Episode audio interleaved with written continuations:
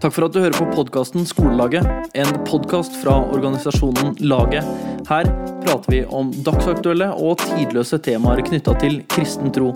Hvis du har spørsmål, send en mail til post at skolelaget.no.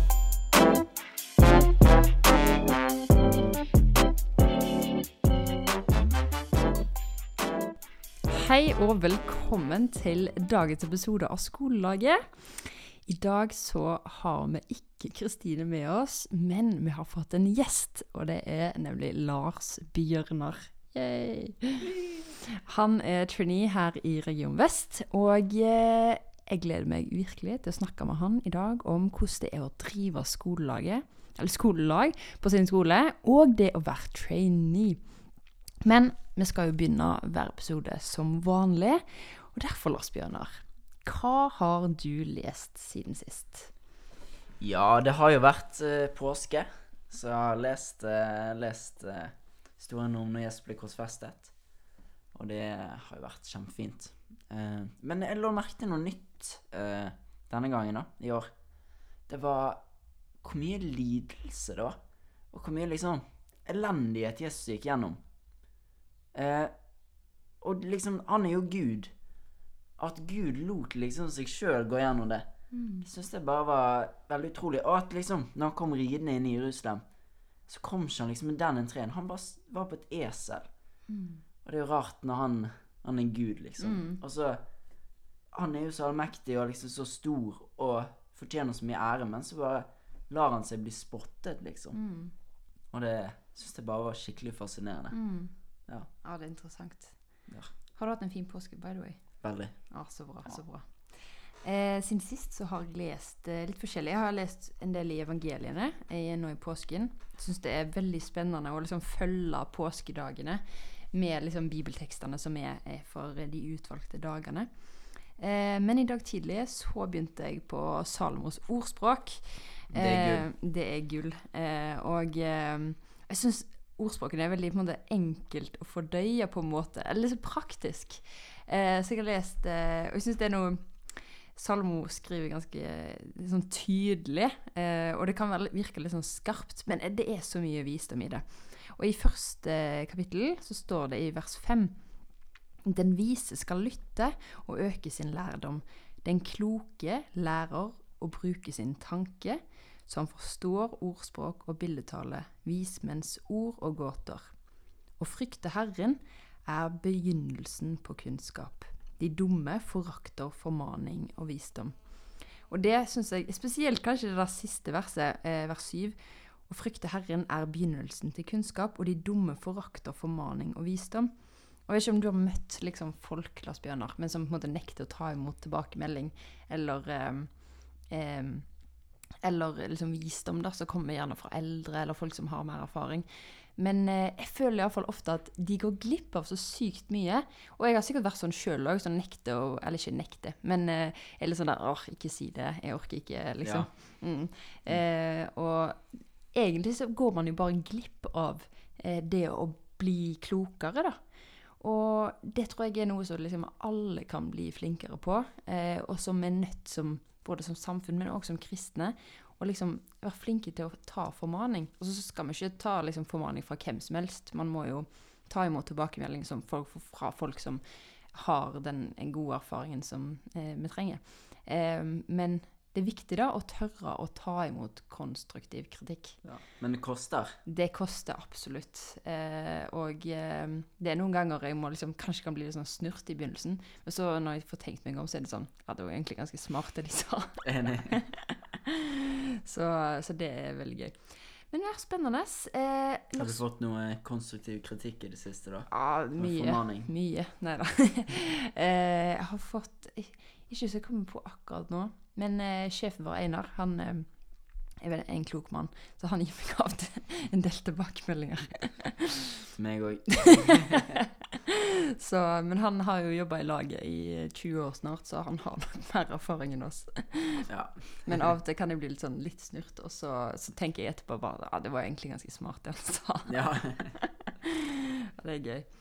Men Lars Bjørnar, vi trenger jo bli litt kjent med deg, så jeg har noen spørsmål til deg. Og vi Yes. i eh, skolelaget, du har jo hørt på skolelaget sjøl, så pleier vi ofte å ha noe som heter skoledagbok. Hadde du skoledagbok når du var yngre? Uh, definere yngre. Yngre. Men det er på ungdomsskolen eller videregående. Uh, ikke som jeg skrev hver dag, men jeg har liksom hatt bøker jeg skrev litt tanker og opplevelser Ja. og sånne ting. Så fint, da. Og husk at uh, du er jo Nå røper jeg noe, da. Men du jo, har jo en kjæreste, og dere er jo forlova. Men eh, du har sagt at hun skriver som bullet journal, eller hva det heter. Ja, det stemmer. Og det syns jeg er veldig kult, faktisk. Så hvis du ikke vet hva bullet journal er, så anbefaler jeg å sjekke det ut. Men Lars Bjørnar, hvor Yes. gammel er du, og hvor er du fra? Ja, jeg eh, er 19 år. Eh, jeg er fra Frekkhaug, men bor i Alversund. Ja. Sivilstatus. Forlovet. Eh, ja. Faget du lik, liker, eller likte best. På eh, videregående eller Ja. ungdomsskolen. Ja, videregående. Eh, musikk. uh, definitivt. Eller Er ikke det mange musikkfag? Jo, vi hadde sikkert sånn ti musikkfag. Uh, men Ja. Bare musikkteori. Mm, kult. Hva instrument spiller du? Saksofon og hovedinstrumentet, og så spiller jeg en del gitar og piano. Kult, kult. Eh, faget du likte minst? Ah, jeg håper ikke lærerne hører på dette. da. Hmm, kanskje på I VG3 var det nok norsk. Ja, Ja. jeg skjønner. Det Men det er veldig nyttig. eh, jobb med norsk. det er lurt å kunne norsk. Jeg har alltid vært veldig dårlig i norsk. Så det er litt sånn eh, flaut. Men eh, sånn er det. Men jeg har fått bruk for det senere, da. Veldig ja, mye meldinger. jo, Og, man trenger jo språk. ja, Så det, det kan jeg tenke meg er lurt. ja. Hadde du en favorittlærer på videregående? Eh, ja, han het Sveinung. Sveinung. Han var veldig, veldig morsom. Hva var han lærer i? Eh, religion og historie og sånt. Ja, kult. Det er jo spennende fag. Ja. Ok. Du liker prikk, prikk, prikk. Eh, hva jeg liker generelt? Mm. Jeg liker eh, å eh, nerde på musikkteori. Ja, Ja. spennende. Og du liker ikke prikk, prikk, prikk. Og danse.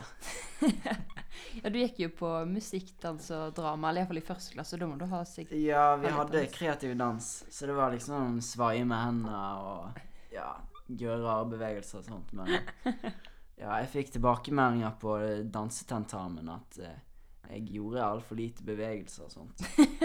Så jeg var litt skuffet på det. Siden Tenk å ha danset dansetentamen. Det er faktisk veldig gøy. Jeg danset følelsen fred, så jeg tenkte det var jo en grunn til at jeg ikke dans gjorde så mye da, ut av meg. Det er faktisk Men, fantastisk. Å skal danse av fred. Sto du helt i ro? Nei, jeg sto og vaiet som et tre i bakgrunnen. Det er faktisk veldig gøy. Hva er du aktuell med for tiden?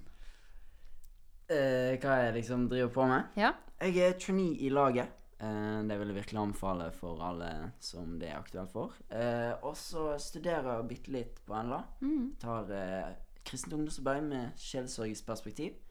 Og så er jeg med i ungdomsarbeidet Link. Eh, med i der. Ja, kult. I hvilken kirke er det?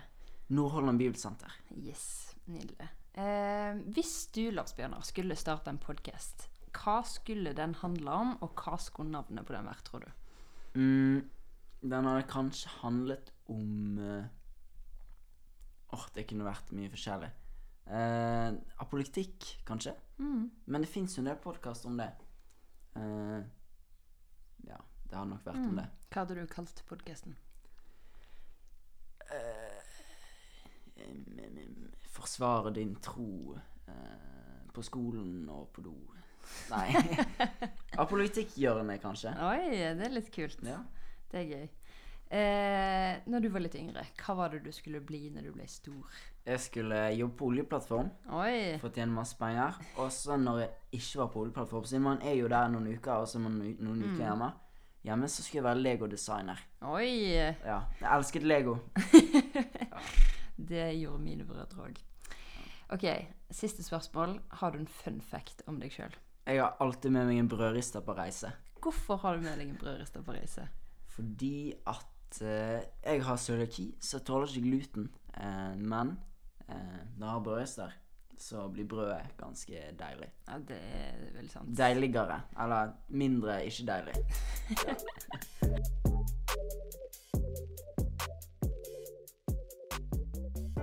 Da er det tid for dagens spalte, Innringers vitnesbyrd. Og i dag så skal vi få høre en fantastisk spennende historie fra ei jente som heter Lydia. Og nå skal jeg rett og slett ta og ringe henne med en gang.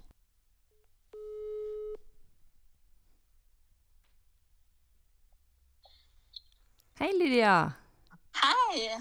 Hei. Kjekt å høre stemmen din. Kan ikke du fortelle litt kort eh, hvem er du, og eh, hvor er du fra, og hvor gammel er du? Ja, eh, mitt navn er Lydia. Jeg er født og oppvokst i Sandefjord, men akkurat nå så går jeg på internatskole i Vennesla, på KV Vennesla, og jeg er 18 år da. Ah, kult. Veldig Ja. gøy. Og du, Lydia, du har jo en veldig spennende historie eh, som jeg tror kan bringe håp til mange som kanskje er i samme situasjon. Eh, Så kanskje du rett og slett tar og bare deler ditt eh, vitnesbyrd med oss i dag? Jo, det kan jeg. Så eh, som 13 år så ble jeg ganske syk. Jeg gikk fra egentlig å være en veldig aktiv da, og sosial tenåring til å annet måtte slutte da på håndball og andre fritidsaktiviteter fordi jeg hadde så lite energi plutselig. Og jeg orket sjelden å være med venner, og skolen ble en stor kamp, og jeg hadde masse fravær. Eh, Men heldigvis så hadde jeg da bedre perioder, og så hadde jeg dårligere perioder. Og i perioder så tilbrakte jeg mesteparten av tiden min alene på rommet, hvor det var liksom mørkt og det var stille. Men samtidig så orket jeg være med på litt sosialt også, noe som ikke er en selvfølge da, når man har ME. Så det er jeg veldig takknemlig for, de lille små tingene jeg orka, selv om det ikke var mye. Men jeg hadde annet dager da, hvor jeg ikke orket å løfte et glass engang, eller perioder hvor jeg måtte gå med solbriller hvor enn jeg gikk, fordi jeg var så sensitiv da til lys og sånn. Og jeg klarte ikke å spise middag med vennene mine i kantina på internatskolen jeg går på. Noe som er litt kjipt da, når man er veldig sosial av seg. Ja, det forstår jeg. Ja. Men så i høst, i 2021, um, så var jeg veldig lei da, og var syk. Og jeg visste nesten ikke hvor jeg skulle være meg. Og det var mange som ba. Det var liksom både venner og familie og venner av familien. Men det var faktisk først når jeg hadde korona i september at ting begynte å snu. Og de konstante smertene da, som jeg hadde, forsvant plutselig fra kroppen min. Noe som gjorde at energinivået også steg litt, fordi smertene tok jo mye av energien. Så vi fortsatte å be, eller be da, og det var flere som la hendene på meg. Og det ble liksom ikke sånn wow moment på en måte, hvor jeg ble 100% frisk på sekundet. Men etter å ha blitt lagt hånd på og blitt bedt for i november, så skjedde det en stor endring, og jeg fikk bare mer og mer energi for hver dag som gikk. Og jeg husker liksom spesielt godt 1. januar i år, fordi da orket jeg for første gang siden jeg var 13 år å være med på aketur med noen venner. Mm. Samtidig som jeg og pappa var på skitur i vinterferien, noe som jeg heller ikke har orket på fem år. Så det var ganske stor og stort, da.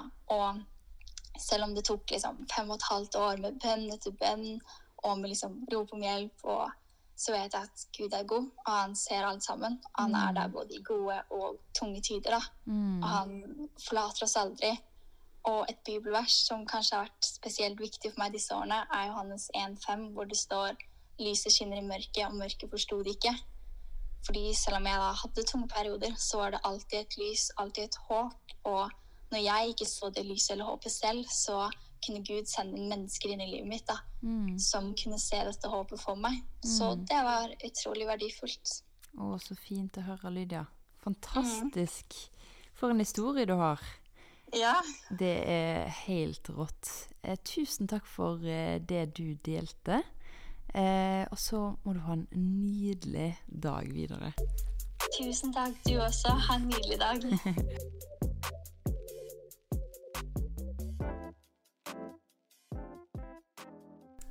Lars Bjørnar, du hadde jo laget på din skole når du gikk på både ungdomsskolen, men òg videregående. Men, Min forlovede hadde på eh, ungdomsskolen. ja, og du var med der. Jeg i styret. Du var med i styret. Så kult. Hun var ikke min forlovede da. Nei, det er på en måte litt litt bra. men dere var sammen veldig lenge? Ja, Siden ungdomsskolen? siden ungdomsskolen. Oi, wow, det er veldig kult. Ja. Og dere skal gifte dere neste sommer, kanskje? Ja. Mest sannsynligvis. Yes. Eh, men når du begynte på videregående, så var det jo ikke noe lag der. Eh, hva var det som gjorde at du starta laget der? Eh, jeg har jo veldig hjerte for det med ungdommer og dele Jesus. Jeg har jo alltid ønsket å eh, Jeg har liksom tenkt sånn Jeg har hatt evighetsperspektiv på livet. Eh, og da blir det veldig viktig for meg å dele troen med andre mennesker. Mm. Eh, så det å starte lag var jo veldig naturlig, da. Mm. Men det var Einar og Joar eh, Helgås som kom ut på Kongshaug og hadde Torsdagskirken en gang. Og så eh, sa de nå som vi starter lag, så møter oss etterpå. Og så møtte de etterpå, og så ble det lag. Ja. Ja. Wow, så kult. Eh, jeg ble jo kjent med deg når du Eller når jeg begynte å jobbe i laget. For da ble jeg leder i disippelgruppen, og der var du med. Og jeg husker denne lyse fyren eh, som eh, kunne overraskende så mye Bibel for sin alder. Og jeg ble veldig imponert over deg, Lars Bjørnar. Um, men når du gikk på videregående eh, og starta laget, hvordan var det for deg, og hva dere liksom gjorde på skolen? Ja. Så vi ønsket å gjøre ganske mye på skolen. Mm. Eh, selv om det var veldig travelt og mye kristent arbeid som skjedde fra For du gikk jo på en internatskole. Internatskole. Kongsøy musikkgymnas. Veldig fin skole. Mm. Eh, men så, så Måten vi gjorde det på, var at vi hadde sånn én gang i måneden eh, annenhver uke et litt større arrangement, da. Mm. Eh, som jazzkafé, eh, Spør en bolle. Eh, vi hadde overnatting med et stupetårn en gang. Og, og litt sånn leir og litt, litt sånne ting, da. Mm. Litt større greier. Litt Mm. kreative, Ja. gøye ting. Så kult. Volleyballturnering og ja. Spennende. Mm. Eh, hadde du et styre med deg i ryggen, eller? Eh, Yes, det Mm. hadde jeg. Eh, på eh, kanskje fem personer eller noe. Fem, Mm. seks, syv. Spennende. Så dere gjorde på en måte laget på deres måte, sånn som det funka for deres skole. Ja. Eh, hva vil du si at et eh, bra lagsmøte må inneholde? Det må være gøy, da. Ja? Det må være catchy, og at eh, Ja, at folk syns det er gøy å være der, og folk kommer. Eh, men eh, det må òg være skikkelig dybde i det, da. At det drar mennesker nærmere Jesus. Eh, og det må være, det må være litt Bibel. Mm. Eh, Vi har jo det konseptet Gud, gøy, godt i laget. At eh, ethvert lagsmøte må ha det gøy. En eller annen lek eller et eller annet fun. ja. Og så må det være glutenfri brownie til slutt. Ja, absolutt. Det, det, men det, det har Ja. du vært flink til dette året, å huske på de glutenfrie Ja. menneskene. Og det er veldig bra. Ja. Men da har vi Gud, nei, vi har gøy, og så har vi godt, noe godt, eh, å spise glutenfri brownies, og så Mm. må det være noe Gud, en andakt eller et Ja. eller annet. Yes. Gøy. Lars Bjørn, du er jo en av de mest kreative menneskene jeg vet om. Eh, altså, det er helt hinsides. Eh, når vi har hatt leir, så har Lars Bjørn hatt ansvar for eh, lekene og teambuilding og sånne ting. Og han lager de mest syke konseptene du kan tenke deg. Så hvis du vil ha, eh, eh, liksom, ha en eh, teambuilding-utvikler eh, i din eh, organisasjon, eller annet, så vil jeg ha headhunta Lars Bjørnar as soon as possible. Dere kan kontakte meg på Facebook. Yes. Veldig Ja. gøy. Men når du gikk på videregående, så var du jo med i disippelgruppen. Mm. Eh, og hva vil du si at eh, måte det gjorde for din utvikling? Godt spørsmål. Jeg var jo, jeg var jo med i disippelgruppen, som du sier. Eh, det, det var veldig godt fellesskap der, da. Eh, og personer som man kan vokse sammen med. Og hva er en disippelgruppe? Disippelgruppe det er tolv personer. Man eh, disippelgjør mennesker etter Jesu egen modell. Eh, at han, han valgte jo tolv som han på en måte brukte mye tid sammen med og fulgte opp. Og, og så forsøker laget å gjøre det samme, da. Mm. Så da velger de tolv eh, gjerne ledere i laget de har, og eh, så møtes eh, to-tre ganger i semesteret. Mm. Så Hva gjør dere på en typisk undervisning og eh, lovsang, møter, sosialt osv. Og, Mm. og stein og rose. At man eh, deler liv sammen. Mm. Ja. Ja, det er veldig fint. Eh, nå er jo du litt for stor for disippelgruppen, men du er savna der. Men eh, ja, hvis du ikke har hørt om disippelgruppa, eller eh, du syns det kunne vært spennende, så hør med ditt eh, lokale lag eller eh, din region, og hør om de har en disippelgruppe. Så kanskje kan du bli med på det. Det er veldig, veldig spennende. Mm. Kjempegodt fellesskap. Absolutt, absolutt. Eh, men var det bare lett for deg å drive laget på skolen, eller var det noen utfordringer? Ja, det var jo en del utfordringer, da. Eller det, i starten så gikk det ganske greit. Vi var aktive og eh, Ja. Jeg bar laget veldig mye sjøl, da. Mm. Eh, at eh, det var preget av at eh, veldig preget av meg som leder. Mm. At jeg eh, hadde mye kreativitet og mye på en måte Mye energi. Eh, så vi gjorde mye. Mye store kreative ting, da. Eh, og, og det ble jo en utfordring når eh, I andre klasse så opplevde jeg å bli utbrent. Eh, jeg hadde rett og slett gjort for mye over for lang tid, samtidig som det var, det var litt andre greier òg. Som gjorde at det, ble rett og slett for mye fra meg. Mm. Og jeg ble nødt til å Jeg måtte si fra meg rollen som leder i laget. Mm. Og på grunn av at jeg hadde på en måte eh, Laget hadde vært så avhengig av meg. Jeg hadde, jeg hadde ikke vært god nok til å fordele oppgaver ut og latt de andre i det. Så ble det eh, Så på en måte falt laget litt når jeg eh, dro, da. Mm. Eller det Eller når jeg ikke kunne være med lenger. Så det falt ikke. Det var jo fortsatt, men det slet litt, da. Mm. Ja. Det tror jeg mange kan kjenne seg igjen i. At Mm. eh, det, det kanskje liksom tyngden ligger på deres skuldre. Og da skulle si at du er utbrent, kan nesten være veldig sånn skummelt. Ja. Sant? Fordi at du vil ikke at ting skal ta slutt og falle igjennom. Ja. Em, hvordan var det for deg som person på måte, å, å kjenne på det? Man føler på en måte mye ansvar, for da vet du at hvis jeg ga av noe, så eh, på en måte legges jo nesten laget ned. Eller. Mm. Og det, det er jo veldig kjipt, og man kvir seg jo veldig til det. Mm. Det er jo forbundet med mye eh, Mye følelse av at eh, man føler at man burde, eller eh, man har, føler på ansvar for at eh, ah, burde, Dette burde jeg jo egentlig være med i.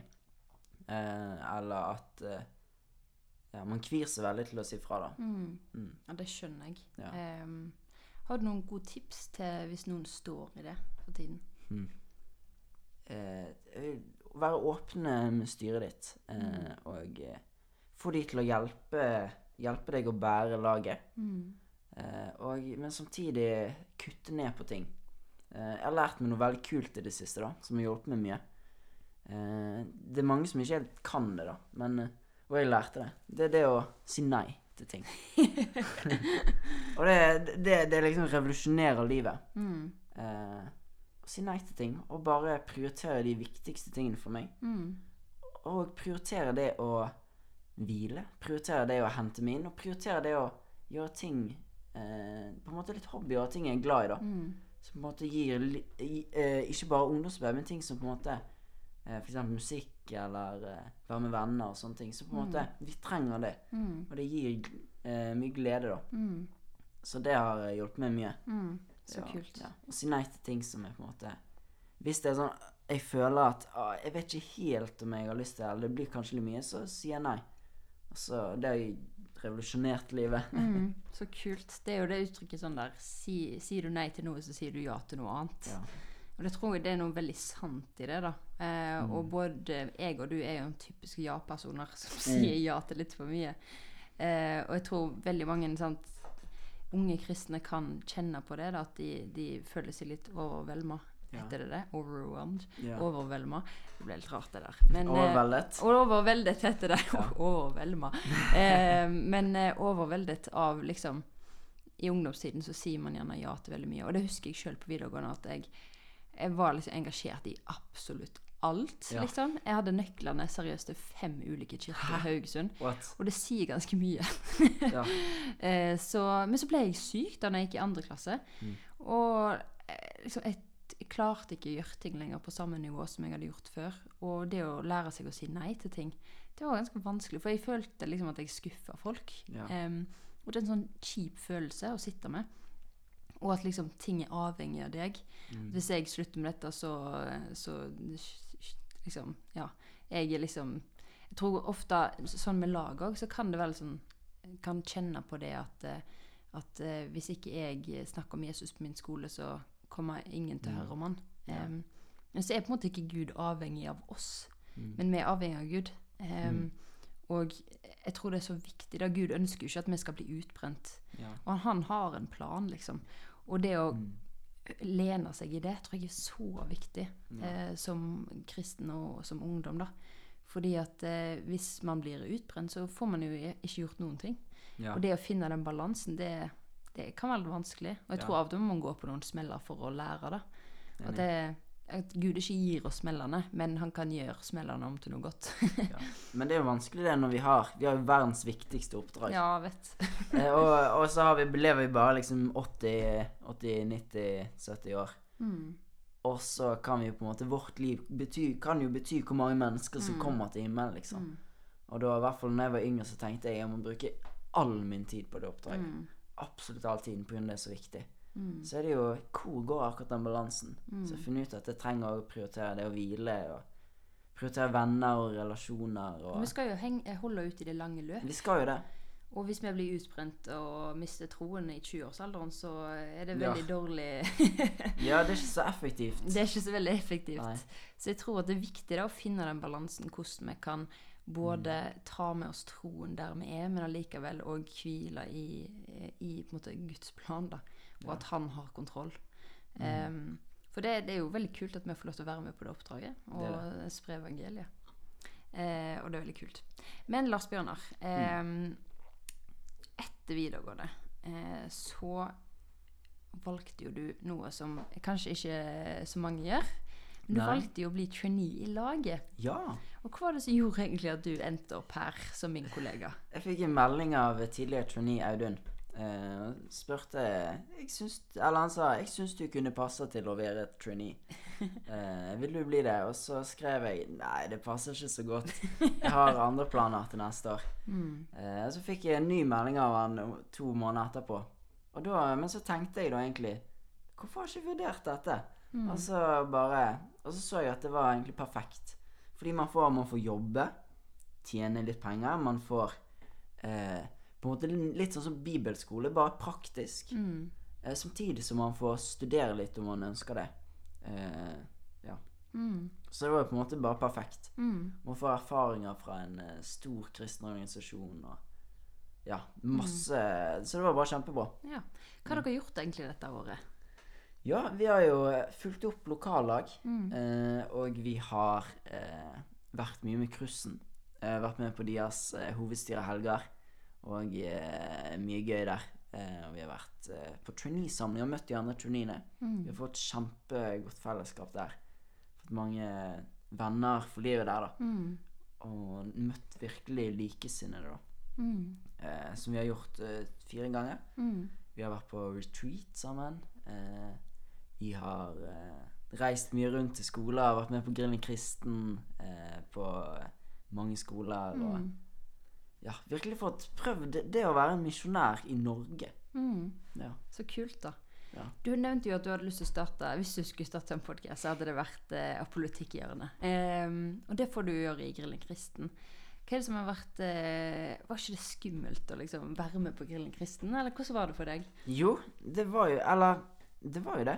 Men eh, sammen med å være trainee, så legger laget opp til at du kan studere ungdomsarbeid i apologetisk perspektiv. Oi. Som høres veldig avansert ut. Og når jeg sier det, så sier folk sånn Oi! og så sier de Hva er egentlig det? Men det er eh, ungdomsarbeid i perspektivet av trosforsvar. Hvorfor man trenger det, og hva det er, og hvorfor det er viktig. Mm. Eh, og det har virkelig hjulpet meg til å forstå hvor viktig det er å forsvare troen sin. Og for, hvor viktig det er å spørre seg Er det egentlig troverdig, det jeg tror på. Mm. Fins det gode grunner for å tro på Jesus? Og hvorfor skal man tro på det? Og det å lære seg å eh, svare på de vanligste spørsmålene, Mm. det har virkelig hjulpet meg og gitt meg en ny trygghet i troen. Mm.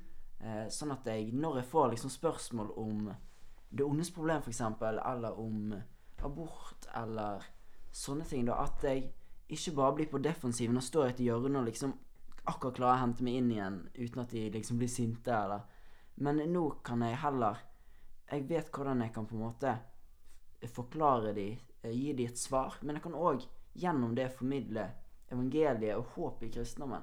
Og være litt på offensiven òg. Mm. Eh, og det har virkelig vært eh, godt. Så Så, da anbefaler dere ja, sette dere inn i de vanligste spørsmålene til kristendommen. Forberede dere på de. Mm. Sånn at når dere blir stilt i av venner og familie, så kan dere bruke det til en mulighet for å fortelle om hvor bra Jesus er. Mm, så kult. Eh, som eh, så har du jo fulgt opp en del lag. Eh, er det noen sånne historier fra dette året som har vært eh, sånn viktige for deg? Ja, det er det eh, Hmm. Jeg hadde et lag som eh, Vi så på det, og så så det på en måte ut som det var veldig lite engasjement, og de som var med, de eh, var ganske slitne og var travle, og det virket som at de på en måte Kanskje vi kanskje ble nødt til å legge ned laget, da. Mm. Eh, men så skulle vi ta et eh, besøk eh, på den skolen og bare ha et møte med de og se om de var gira på å legge det ned, og, eller om de ønsket å prøve å starte, starte opp da, Mm. eh, skikkelig. Eh, og så dro vi ut der, og vi ba en del for det på forhånd. Siden vi er jo i, det, i lagsarbeid, så vi er helt avhengig, avhengig av Gud hele tiden. Absolutt. Ja. Og vi har jo bønnemøter hver dag. Mm. Så, eh, men så dro vi ut dit, og så Og så var det bare mange som var gira i å være med i styret. Mm. Og styret som var der, de var gira i å starte opp og eh, Og spurte liksom hvorfor kanskje vi har enda oftere samlinger. Og, eh, og nå er det det, det mest aktive styret jeg har. Ja. Eh, aktive laget. Eh, som bare blomstrer og gjør veldig mye bra på skolen sin. Vi skal ha skepsisuka nå og har hatt godhetsuka. Ja, Helt fantastisk. kjempe, kjempegøy. Hva tror du er det som gjorde at det- kom en sånn forandring i det laget? Et Godt spørsmål. Eh, jeg er fristet til å si Gud. ja, det var i hvert fall ikke noe med meg og Einar. Eh, det var nok ikke. Eh, og at eh, kanskje bare kom eh, De ble inspirert eh, Jeg Mm. vet ikke. Nei. Det må ha vært Gud. Det, det, ja, jeg tror absolutt eh, Gud har en finger med i spillet der. Og jeg husker Ja. det laget sjøl. Eh, og det var jo en del av de som kom på leir nå i høst. Eh, og jeg tror veldig mange fikk en sånn veldig god opplevelse av det å møte andre kristne. Mm. Eh, men òg det å se eh, Bli inspirert av hverandre da, som ungdommer og som mm. videregående elever.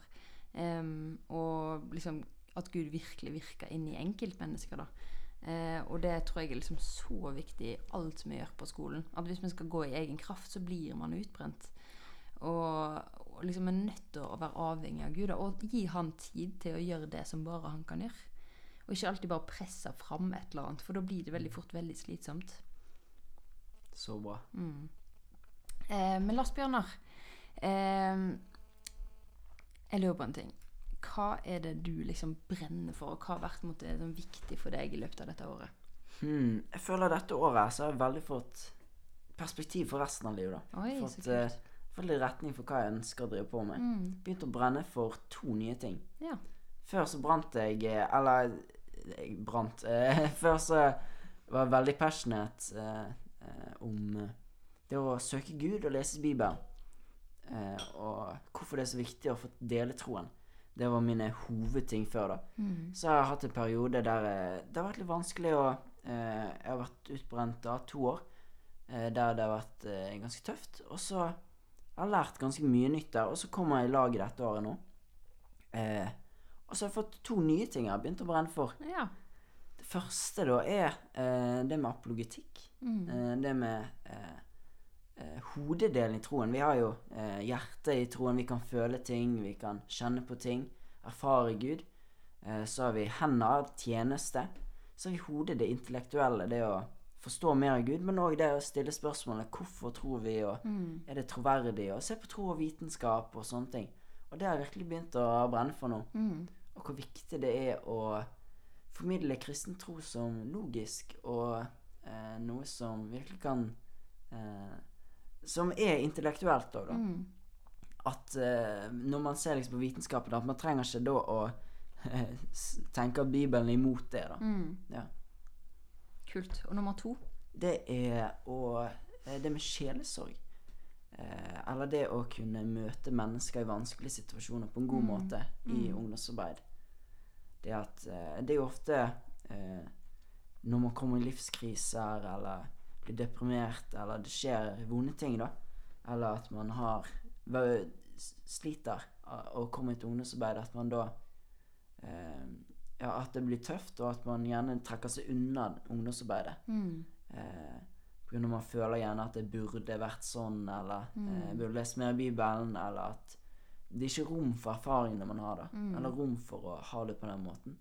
Men så ønsker jeg det å kunne møte dem på en god måte, og legge opp til å ja, virkelig Ja, bare vise dem kjærlighet og eh, lære seg det og hvordan møte ulike problemstillinger som det. Mm.